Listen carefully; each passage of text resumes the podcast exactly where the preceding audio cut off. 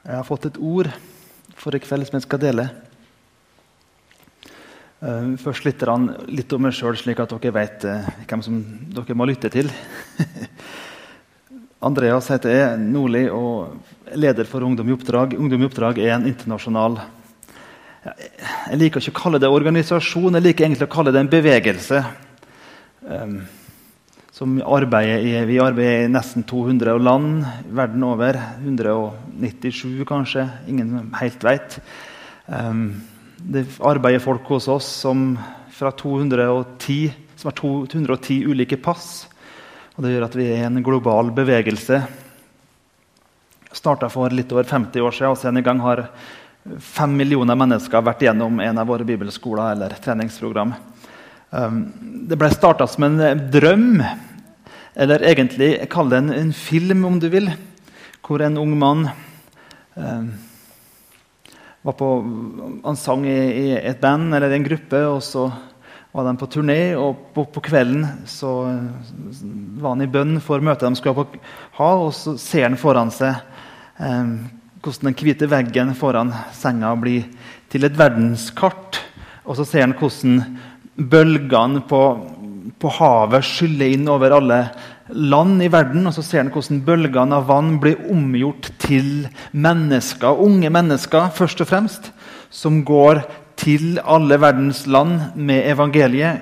I alle byer, alle landsbyer, på kafeer, på skoler, i butikker, på universitet. Overalt så deles evangeliet. Og Den drømmen lever vi ut. Vi, vi er med å, å mobilisere og motivere så mange som mulig. Og primært unge mennesker, men ikke bare unge mennesker.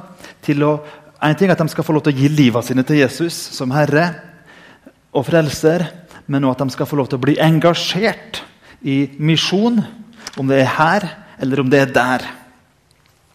Sjøl reiste jeg til Romania, bodde i Romania en del år og, og reiste da vi flytta dit da vi var 22 år. Det var jo galskap kan du si. Men det gikk, det gikk bra, og vi, vi, brukte en del år der. Så vi kom tilbake til Norge og, og, og ble ledere for Ungdom i oppdrag for, for snart seks år siden. Og, og jeg, jeg, jobber i Ungdom i oppdrag rett og slett for at jeg tror at en ting er at Gud har kalt oss til å jobbe der, men for min del så har det blitt den beste plassen jeg kan få lov til å tjene Jesus. Og, og, motivasjonen vår er rett og slett at vi vil være med og oppfylle misjonsbefalingen i dag, i vår generasjon, så har vi aldri vært nærmere en oppfyllelse av misjonsbefalingen enn noen gang i historien. Enn noen gang i historien. I, i verden i dag så finnes det ca. 7000 språk. Bibelen er oversatt til hele Bibelen, bare til 520 språk ca. Litt under 10 men Det nye testamentet og bibeldeler er oversatt til over 2000 språk, nærmere 3000 språk.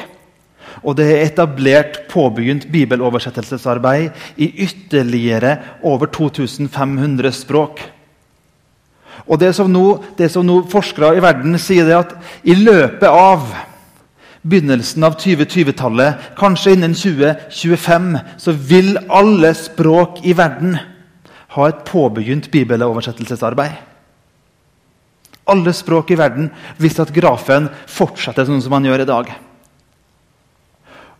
Og med de nye teknikkene som nå eksisterer for å oversette Bibelen, så, så, kan vi ta sikte på at Bibelen, eller Det nye testamentet i hvert fall vil være oversatt til alle verdens språk noen år etter 2025. Fem år, ti år etterpå.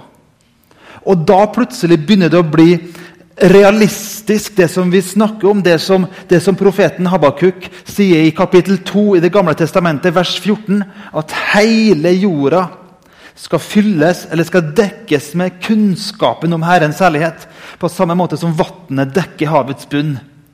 Da begynner det å bli konkret, det som vi snakker om når Jesus sier at 'gå derfor ut og gjør alle folkeslag til disipler'. Når vi begynner å kan sette årstall på når alle verdens språk vil ha en bibeldel oversatt. Er, det ingen som blir begeistra for det? Sitter dere på det? Altså? Jeg kjenner at jeg blir veldig begeistra av en sånn tanke.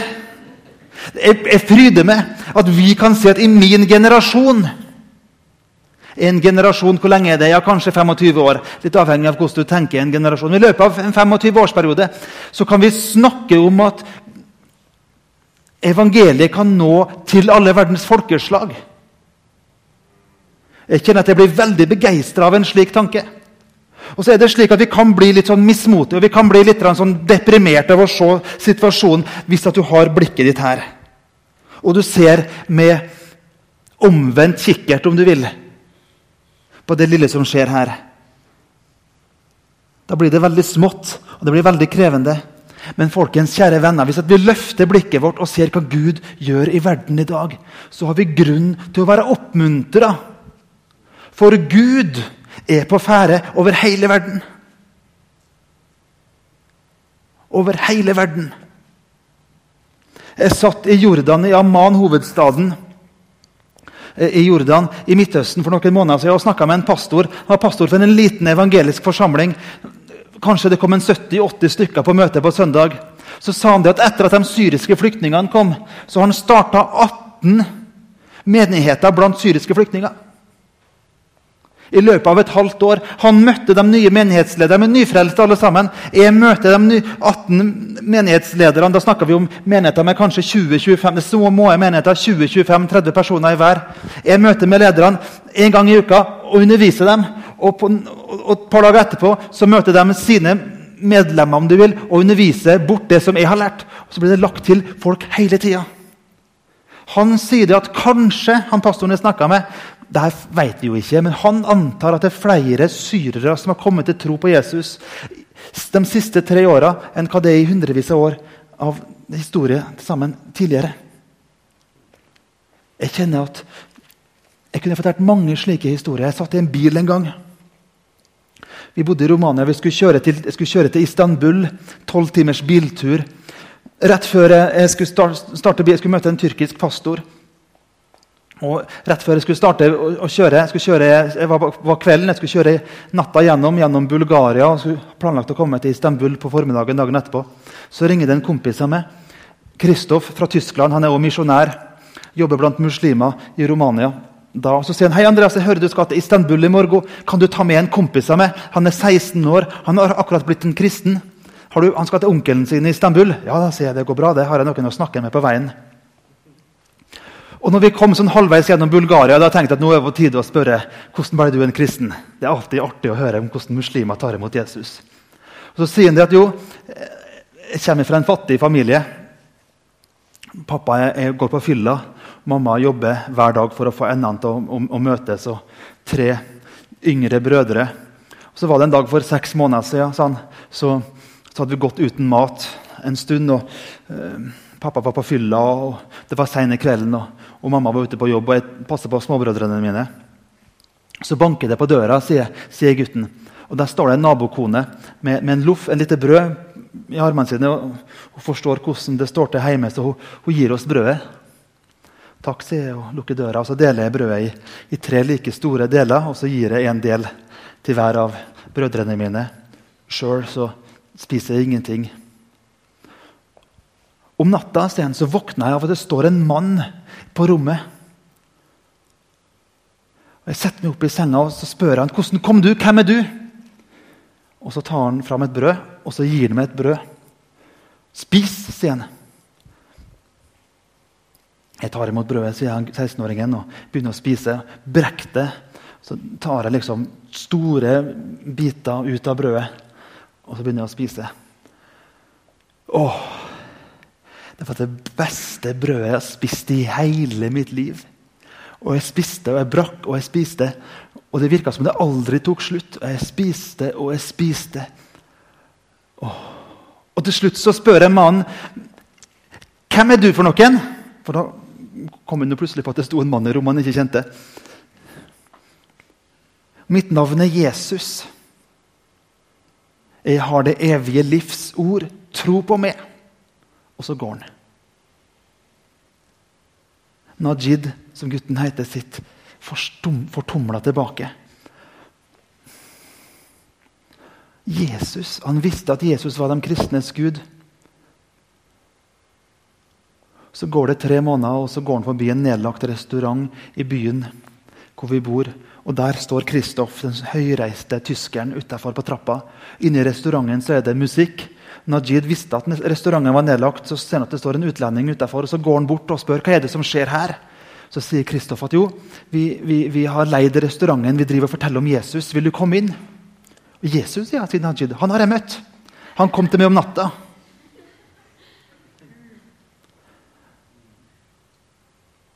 Og tre måneder etterpå så sitter han i bilen i lag med meg og forteller historien sin. En av mange historier om muslimer som jeg har møtt etter å ha sett Jesus i en drøm om natta, i et syn. Pastoren jeg besøkte i Istanbul, jeg måtte fortelle han historien om Najid da jeg kom fram på formiddagen. Jeg tenkte at dette var en fantastisk historie. Pastoren var ja. Det var noe ganske vanlig. Halvparten, sier han, av alle som har blitt frelst i Tyrkia de siste åra, hans anslag, har blitt kristne etter at de har hatt en drøm eller en visjon av Jesus. Du skjønner det at Jesus lengter etter at mennesker skal få lov til å møte ham. Og så er det en del plasser hvor det ikke er misjonærer. Det er en del plasser i verden hvor evangeliet ikke er, hvor Bibelen ikke er oversatt. Og så virker det som om at Gud sjøl ikler seg misjonærens rolle, og så går Gud sjøl og åpenbarer seg for mennesker. Mange sånne historier. Jeg har en venn, Leif heter han. Jobber i Ungdom i oppdrag. Han satt på et fly. Det rista. Det var sånn bitte lite propellfly. Og, og, og, hvis du har flyskrekk, så får du mareritt av å se på flyet han satt inni. Eh, det rista Han flaug nordover mot Nordpolen. Vil si han skulle oppover på den russiske tundraen inn i Arktis.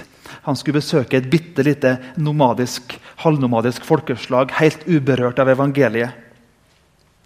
Og så Hvis du vet at det var et russisk innenriksflyselskap i tillegg, så var han enda mer engstelig. Og Mens jeg satt og rista på vei inn i isødet, det var mørkt overalt, så kommer han i prat med en fyr ved siden av. Han er en av de innfødte der inne. Han jobber i oljebransjen. Russland er inne og pumper opp olje der inne. Og han innfødte, han Nenser-folket tilhører han. Og Nenseren stiller Leif spørsmålet hvor er du fra. Du, ja, 'Jeg kommer fra Norge', sier Leif. 'Å ja, da er du vel ute etter olje, du, da?' 'Jobber i oljebransjen?' 'Nei', sier Leif. 'Jeg jobber en annen, i en helt annen bransje'. 'Å ja', sier han. 'Ja, vi, vi, vi, vi tror på Jesus' så jeg er inne og skal, skal starte misjonsarbeid der inne blant nenserfolket. sier Han Han var inne for tredje eller fjerde gang. Jesus, sier nensermannen. Må du fortelle meg det her? Han har aldri hørt evangeliet før. Og Det er jo ikke ofte en evangelist som Leif får spørsmål om kan du fortelle meg evangeliet, så Leif blir jo veldig innstilt og gira. Nå må vi, så Leif begynner å sette i gang og begynner i første Mosebok. Og går gjennom hele greia og kommer til korset og oppstandelsen. og og slutter hele historien i åpenbaringsboken. Flyturen er jo lang, så Leif har god tid. Og da Leif er ferdig å fortelle historien, så er øynene på Nensermann kjempestore. Wow, sier han. Er det det her, her du kommer for å fortelle oss? Så Leif ikke ofte han får sånn respons vet du, når du er evangelist. Så, yes, ja. Er det virkelig sant? sier Nensermann. Er det virkelig sant at Gud sendte sin sønn for å forsone alle ting med seg sjøl? Og før Leif rekker å bekrefte det, så sier Nensermann at ja, men det er jo fantastiske nyheter! Det er jo helt utrolig! Og Leif han skulle til å bekrefte det. Ja, det er jo helt fantastisk. Før Nensermann bare skifter ansiktsuttrykk. Og så sier han det at Du! Hvorfor Hvorfor, sier han. Og så stopper han opp. Og så stiller han han skal til å stille et spørsmål, og så kommer det et nytt spørsmål ut av munnen hans. Men si meg, hvor lenge i Norge har dere visst om det her? Og Leif sier ja, vi har hatt evangeliet i, i 1000 år i Norge. vi. Og Da faller maska på Nensermannen, og da kommer det opprinnelige spørsmålet han skulle stille. Hvorfor Hvorfor i alle dager er det ingen fra Norge som har kommet før? I tusen år, sier han. Hvorfor har ingen kommet til oss tidligere? Og det er realiteten. Det er realiteten. Snakka om 7000 språk i verden.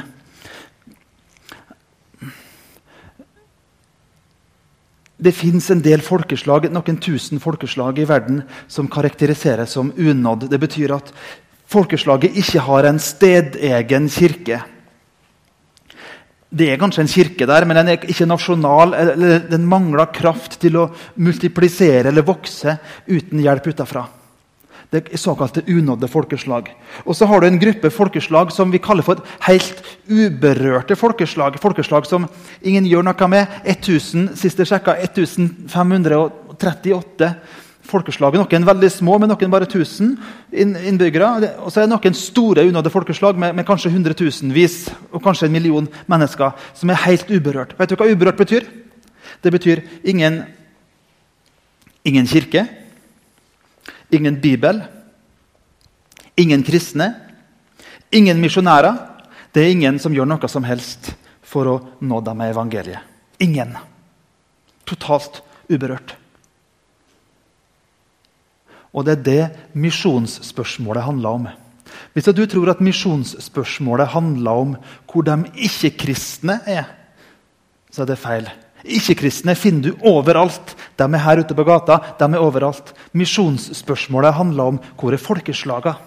Der det er ingen kristne, ingen kirke, ingen bibel, ingen som gjør noe som helst for å nå dem. Det er det misjonsspørsmålet handler om. Hvor mange er dem? Hvor bor de hen?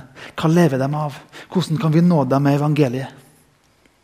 Og så hører jeg i dag folk som sier det at vi trenger ikke flere misjonærer. Vi kan heller sende penger, og så kan de lokale gjøre jobben sjøl.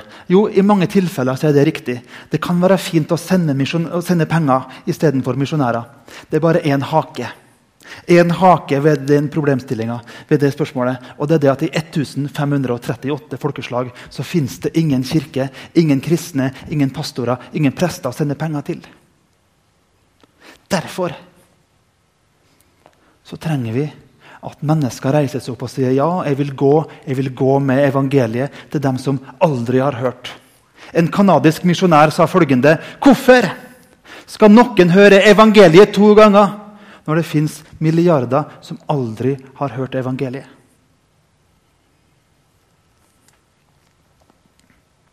La oss, Hvis du har med deg Bibelen, så kan du være med meg. Skal vi slå opp i Johannes kapittel 20, vers 21. Vi har, eh, I Det nye testamentet har vi fem misjonsbefalinger. Den mest, mest kjente er Matteus 28. Meg er gitt all makt i himmel og på jord. Gå derfor ut. Så har du en i Markus 16. Gå og forkynne evangeliet for alt som Gud har skapt. Og så har du en i Lukas 24. Og så har du en i apostlenes gjerninger 1,8. Som sier at vi skal være vitne i Jerusalem, Judea, Samaria like til jordens ender. Den misjonsbefalingen vi har i Johannes kapittel 20 er den korteste misjonsbefalingen av de fem som vi har. Ehm, den består bare av noen få, helt få ord, én setning. Og Likevel er det den mest innholdsmetta misjonsbefalingen vi har av de fem. La oss lese. Johannes 20, vers 21. Igjen sa Jesus til dem Nå må vi huske på at nå sitter vi her, og, og Jesus er død, og han er oppstått. og Han møter disiplene, og disiplene er engstelige, de er redde og lurer på i alle dager hva det er for noe. Så det første Jesus sier, 'Fred være med dere'. Fred, shalom. Det er mye mer enn bare fravær av krig. Mye mer enn det. Fred være med dere, sier Jesus. Og så kommer befalingen, misjonsbefalingen. Som far har sendt meg, sender jeg dere. Så kan vi lese vers 22 for å få med litt mer så åndet han på dem. Altså han pusta på dem. Og så sa han, 'Ta imot Den hellige ånd'.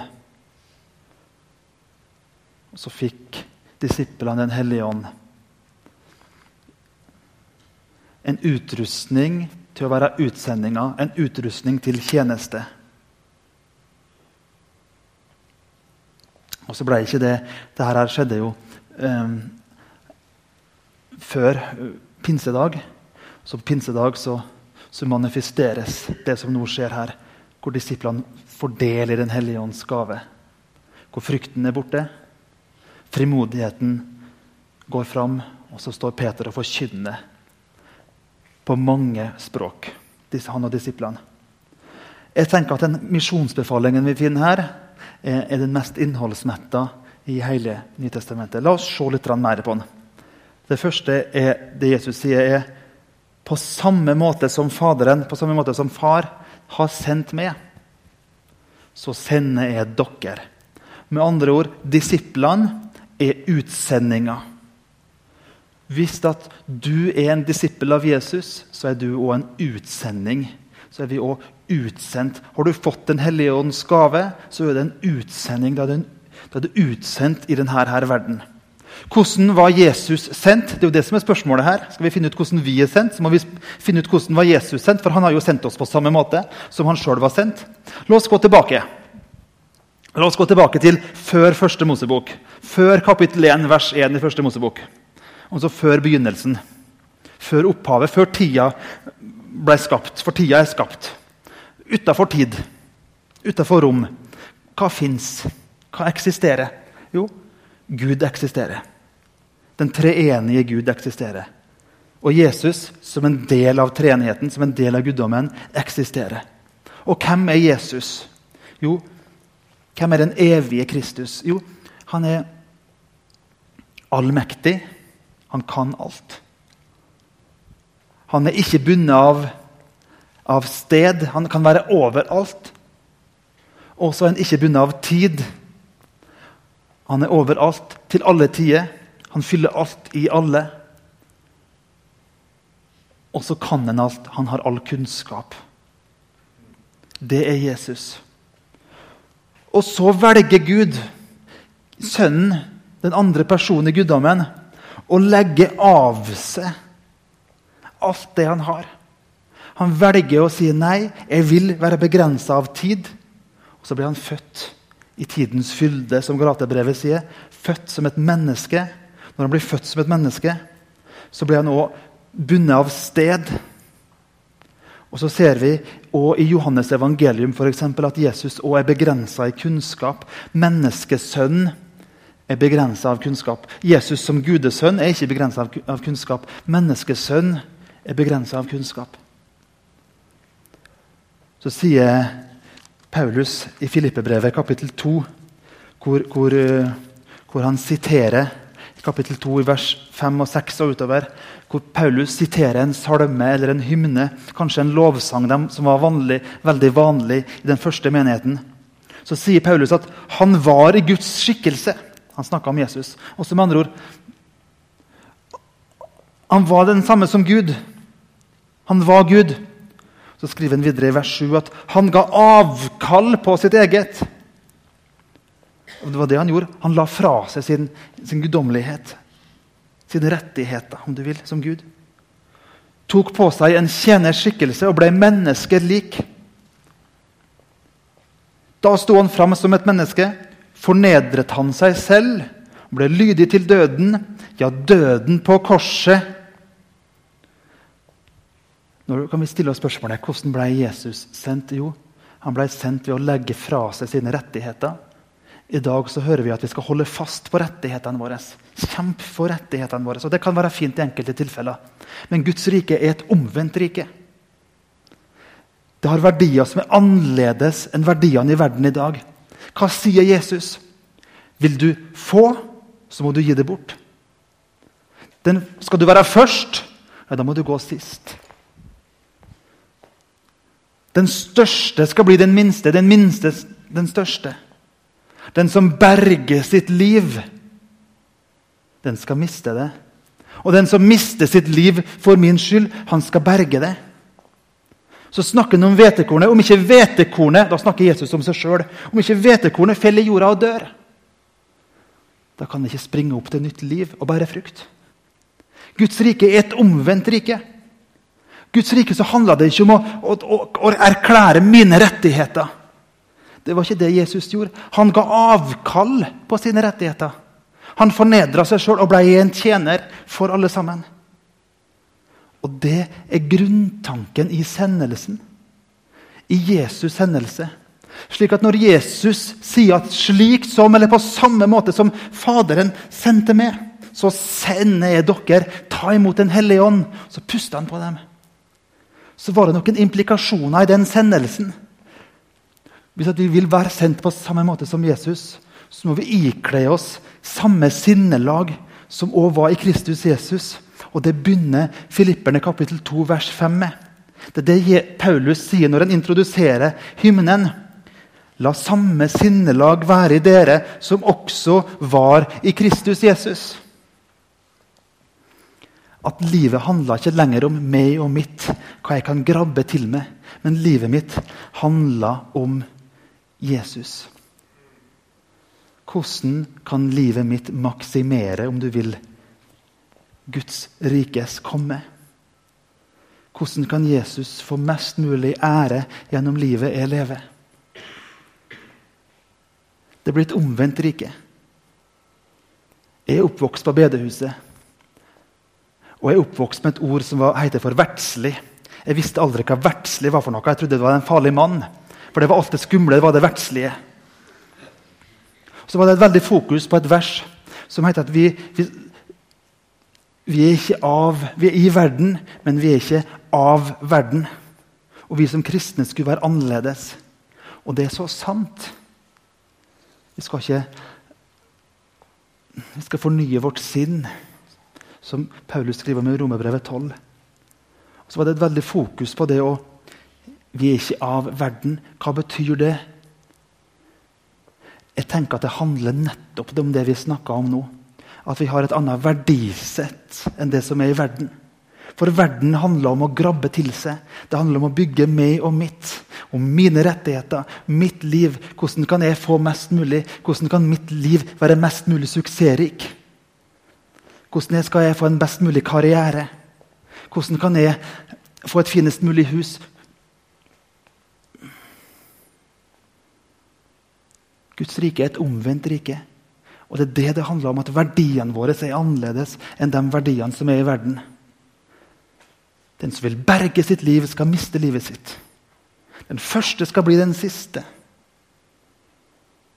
Den minste skal være den største.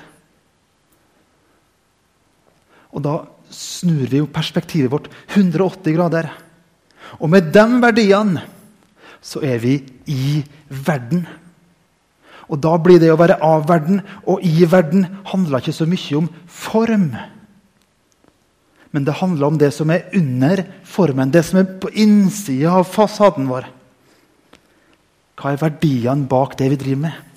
Og på den måten, når Jesus introduserte et nytt sett med verdier At alle mennesker er like viktige. Når Jesus ser hora som er grepet på, på fersk gjerning, og mannen som hun lå med, ikke blir kasta fram for Jesus. Det er kun dama. Når han ser diamanten i øynene hennes, det har verdi. Da presenterer Jesus et nytt verdisyn. At mennesket er ukrenkelig. Det har uendelig verdi. Og Så reiser han opp, og så retorisk spør han ja, den som er uten synd, kan kaste den første steinen. Og så ser han på dama etterpå. ja, var det Lever du fremdeles, ja? Var det ingen som kasta stein på det? Så står det at det var de eldste som gikk bort først.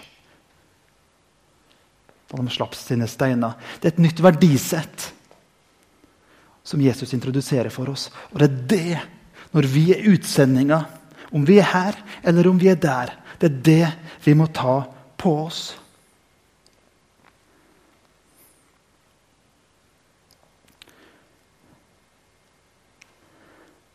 Det var en um, Oktober Jeg vet ikke når tid på døgnet det skjedde, men det var oktober. Jeg tippa det var en ettermiddag. Og jeg ser for meg, uten at jeg, jeg var der ikke sjøl, men jeg tippa det, at sola titta fram mellom skyene i Kristiansand, på brygga. Det var noen hundre mennesker samla der. 18, det var i 1874. Byen var samla, kristne i hvert fall var samla for å ta avskjed med Anna Jacobsen og Sofie Reuter. To damer, midten av 20-åra begge to. Sofie kom opprinnelig fra Østfold, men jobba i Kristiansand hos eh, forretningsmann Rasmussen. Han var byens kanskje rikeste mann. Hun var utdanna, hadde utdannelse. Anna Jacobsen var fattig jente oppe fra Heia, som de sier der. Kanskje hun hadde sju års skolegang. Anna jobba som tjenestepike hos forretningsmann Rasmussen. Og loft, på loftet i huset til forretningsmann Rasmussen som det huset fins forresten i dag. Det ligger, hvis du er kjent i Kristiansand, så ligger forretningsmann Rasmussen i krysset i Kristiansand mellom Dronningens gate og Markens gate. Hvis du er kjent i byen, så er det der McDonald's ligger. McDonald's-bygget i Kristiansand er da forretningsmann Rasmussens gamle hus. I toppetasjen der så hadde kona til herr Rasmussen ofte møter oppe på Helligloftet, som det ble kalt. Og En dag så var det en, eh, en forkynner som var der, 1871 kanskje, som fortalte om Kina om Kinas millioner. Og Anna hørte det her. Så går hun til fru Rasmussen og så sier hun at jeg tror Gud kaller meg til, som misjonær til Kina. Ingen i Norge hadde noen gang reist til Kina som misjonærer. Og Så sier fru Rasmussen at ja, jeg tror du har rett. Du må bare be Lukas 10,2 hver eneste dag. Lukas 10,2 er, er det verset som sier det at høsten er moden arbeiderne få. Be derfor høstens herre drive arbeidere ut. Og Så sier fru Rasmussen at be om at Gud skal gi deg en person du kan reise sammen med. Og Anna begynner å be. Og På søndagsskolen som hun underviser på i Kristiansand, så møter hun Sofie, som har kommet til byen. Og Så deler Anna sin byrde om at hun drømmer om Kina. Så sier Sofie til Annas store overraskelse at ja, det har jeg jo drømt om siden jeg var jentunge. Og Så bestemmer de seg for at vi skal reise til Kina sammen. Og så er dagen kommet, en oktober ettermiddag 1874. Hundrevis av mennesker er samla på brygga for å ta farvel med de her to jentene. De skal til England på et tre måneders evangelistkurs før de skal seile til, til Kina i begynnelsen av 1875. De synger, det er bønn. Og Idet de skal gå om bord i båten, så kommer forretningsmann Rasmussen bort til Anna. Og så gir hun, så gir hun han en brun konvolutt. Anna åpner konvolutten og ser oppi. Der er det en, sånn, så, en så stor pengesum som hun aldri før har sett. Hun teller gjennom pengene raskt, lukker konvolutten og tenker seg om i to sekunder. Og så gir hun konvolutten tilbake til forretningsmann Rasmussen. Og så sier hun at Gi konvolutten til mammaen min. Hun trenger pengene mye mer enn hva jeg gjør. Gud skal sørge for oss. Og så setter de seg på båten til England og noen måneder senere til Kina. Det er Norges to første kinamisjonærer. Sofie Reuter dør etter få år. Hun gifter seg med en engelskmann. Anna Jacobsen gifter seg etter hvert med en kineser som var uhørt på den tida. Trosser misjonens reglement. Kommer tilbake, til Kina, kommer tilbake til Norge 1901 eller 1902 etter bokseropprøret. Måtte flykte fra Kina, berga så vidt livet. Hun ble en pionermisjonær som reiste inn i det indre av Kina, der ingen hvite mennesker før hadde vært, og forkynte evangeliet. Det var de to første. Og Så stiller jeg meg spørsmålet Hvem var de her norske misjonærene? Broder Jun, den himmelske mann som kanskje noen har hørt om og lest boka til, han påstår, uten at han kan bevise det Han hevder, og jeg tror kanskje han overdriver litt, unnskyld meg, men han sier at 25% av alle Kinas kristne i dag kan eh, spore sine røtter tilbake til norsk misjonsinnsats. 25% Da snakker vi kanskje om 20 25-30 kanskje millioner kristne. Vi kan umulig bevise det tallet, og sannsynligvis er det for høyt. Men om bare en tidedel av tallet er riktig, så snakker vi om to-tre millioner kristne. Allikevel. Som virka i Kina i bare noen tiår. Og så er spørsmålet hvem var de her, her misjonærene som la grunnen for verdenshistoriens største vekkelse? Som Kina har opplevd de siste tiåra. Verdenshistoriens største vekkelse. Hvem var de her, her kristne? Var det superkristne? Nei, vet du noe, kjære venner, det var helt enkle mennesker. Dyktige mennesker. Skal vi lage en prototype, litt sånn generaliserende sagt, så var de like som Anna og Sofie. Unge mennesker, jenter, i begynnelsen av 20-åra. Uten teologisk kompetanse. Kanskje med en sykepleierutdannelse, kanskje med et eller annet lignende. Et sterkt kall og en overbevisning om at Gud hadde kalt dem. Uten det vi kan kalle for økonomisk sikkerhet. Noen av dem pakka til og med tingene sine i en gravkiste, slik at de i hvert fall kunne få en skikkelig begravelse der ute når de skulle dø av en sykdom som det ikke fantes vaksinasjon imot. Og så dro de til det indre av Kina, hvor ingen mennesker, hvite mennesker før hadde vært og forkynte evangeliet. Og bereda grunnen for det som har blitt verdenshistoriens største vekkelse. Unge mennesker som betalte en høy, høy, høy pris hva var hemmeligheten? Det var nettopp det som vi hørte til åpning her i dag. Gud hadde tatt tak i hjertene til noen enkle mennesker. Gud hadde overvunnet frykten. Så forsto de det at på samme måte som Gud Fader sendte Gud Jesus til jorda, slik sender Jesus oss. Og Så tar de Paulus på ordet i Filipperne 2,5.: La dette sinn, som også var i Kristus Jesus, være i dere. Han som ikke holdt det som et røva bytte å være Gud lik. Som ga avkall på det han hadde. Ikledde seg en tjeners skikkelse og ble menneskelik.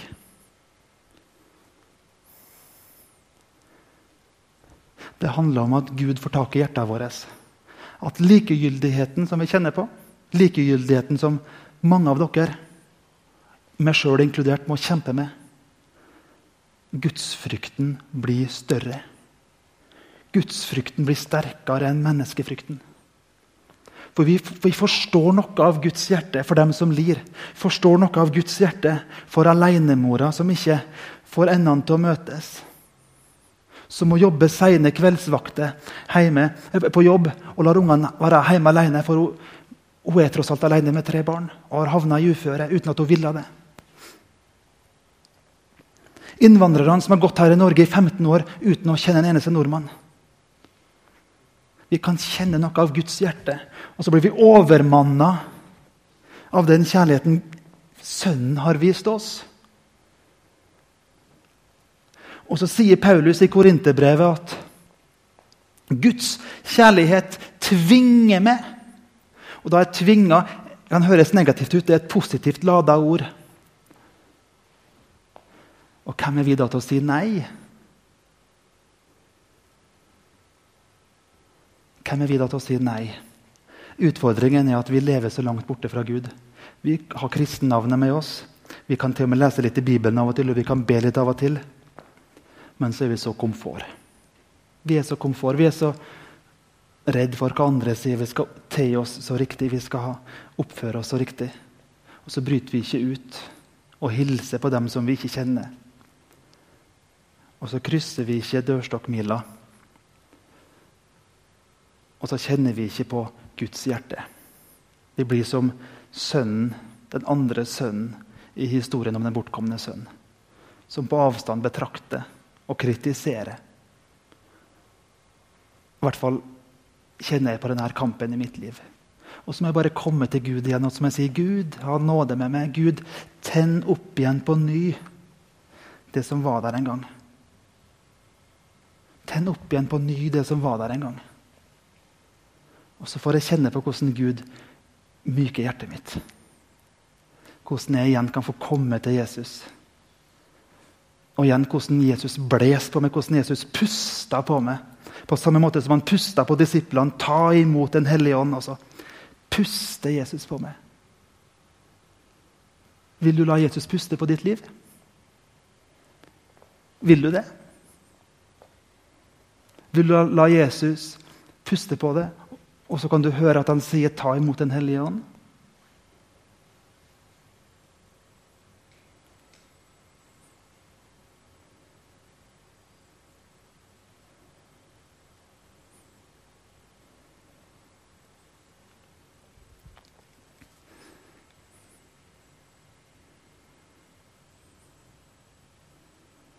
Vi ta og be sammen?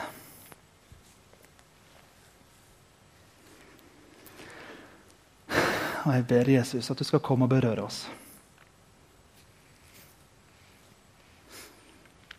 Kom og berøre oss, Jesus. Med din kraft. Du skal overvinne oss. Det er frykten vår. Og la oss få lov til å se hvem du er. La oss få lov til å se din godhet, din kjærlighet, din nåde.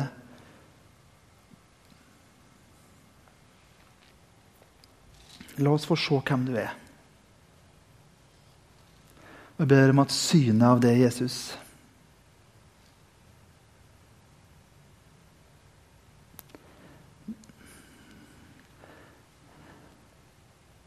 Det skal hjelpe oss til å forstå hvem du er. Hva som er din hensikt, det som er din vilje.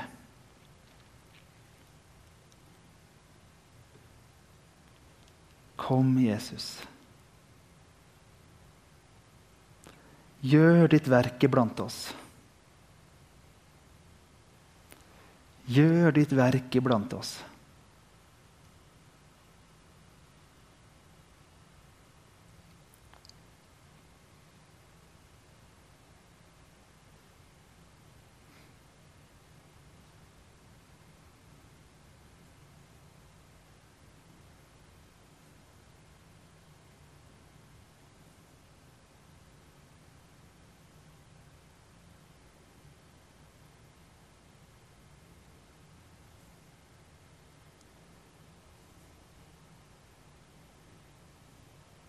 Kan vi ikke bare sitte litt i stillhet og så La Den hellige ånd få lov til å, å tale til oss og, og puste på oss.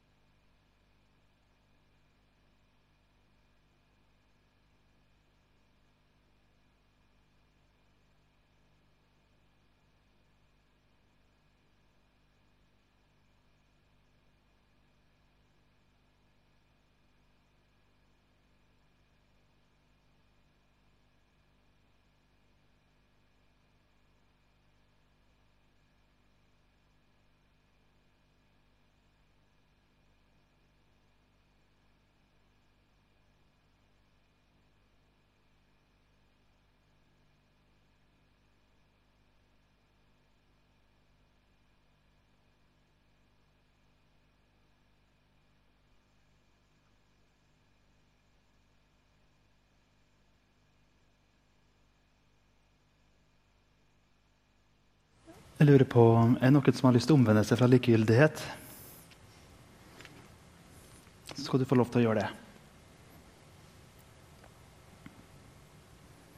Eller omvend deg fra et hardt hjerte, så skal du få lov til å gjøre det. Du kan få rekke opp hånda di hvis du vil. Hmm. Jesus, jeg ber for dem som har rekt opp hånda si. Jeg ber om at du skal myke opp igjen hjertene deres. De har kommet til det. Fød noe nytt. Fød noe nytt. Et spørsmål til. Er det noen her som tror på Gud, tror på Jesus, men hvor Jesus ikke er herre, hvor du sjøl er sjef i eget liv.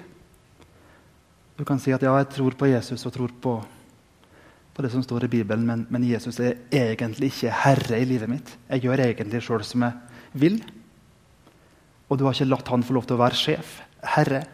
Kanskje av frykt, eller kanskje fordi at du tenker at du vil være sjef sjøl.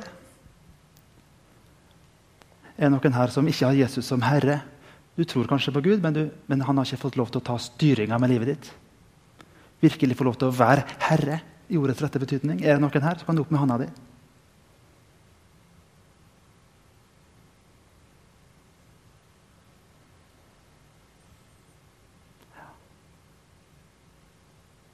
Jeg har lyst til å be for dere. Nå ber jeg en setning først, og så kan dere som vil, kan be etter meg. Dere kan be stilt eller høyt. Så bare repeterer dere det som jeg sier. Kjære Jesus. Jeg vil at du skal være herre i mitt liv.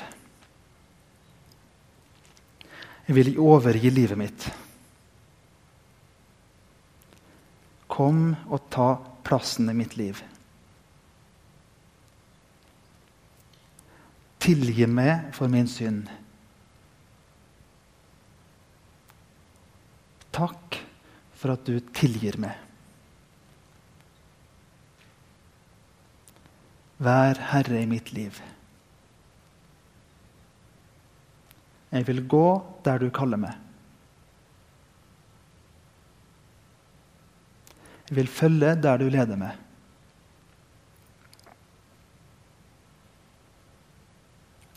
Amen.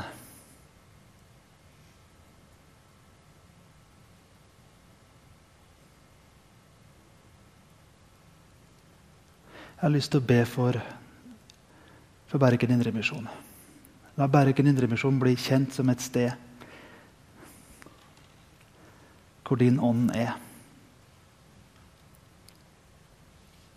La det være kjent for et sted hvor det er lett å ta imot det, Jesus. La det være kjent som et sted hvor din ånd virker i mennesker sine liv. La det være kjent for et sted hvor mennesker blir helbreda fra sykdom. La det være kjent som et sted hvor folk som ikke er høyest på den sosiale rangstigen, kan komme og føle seg velkommen og elska. Vi ber om det, Gud. Vi ber om det.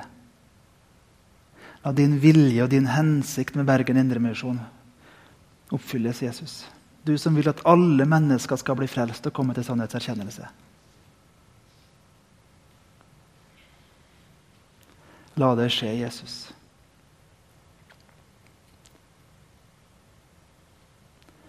Amen.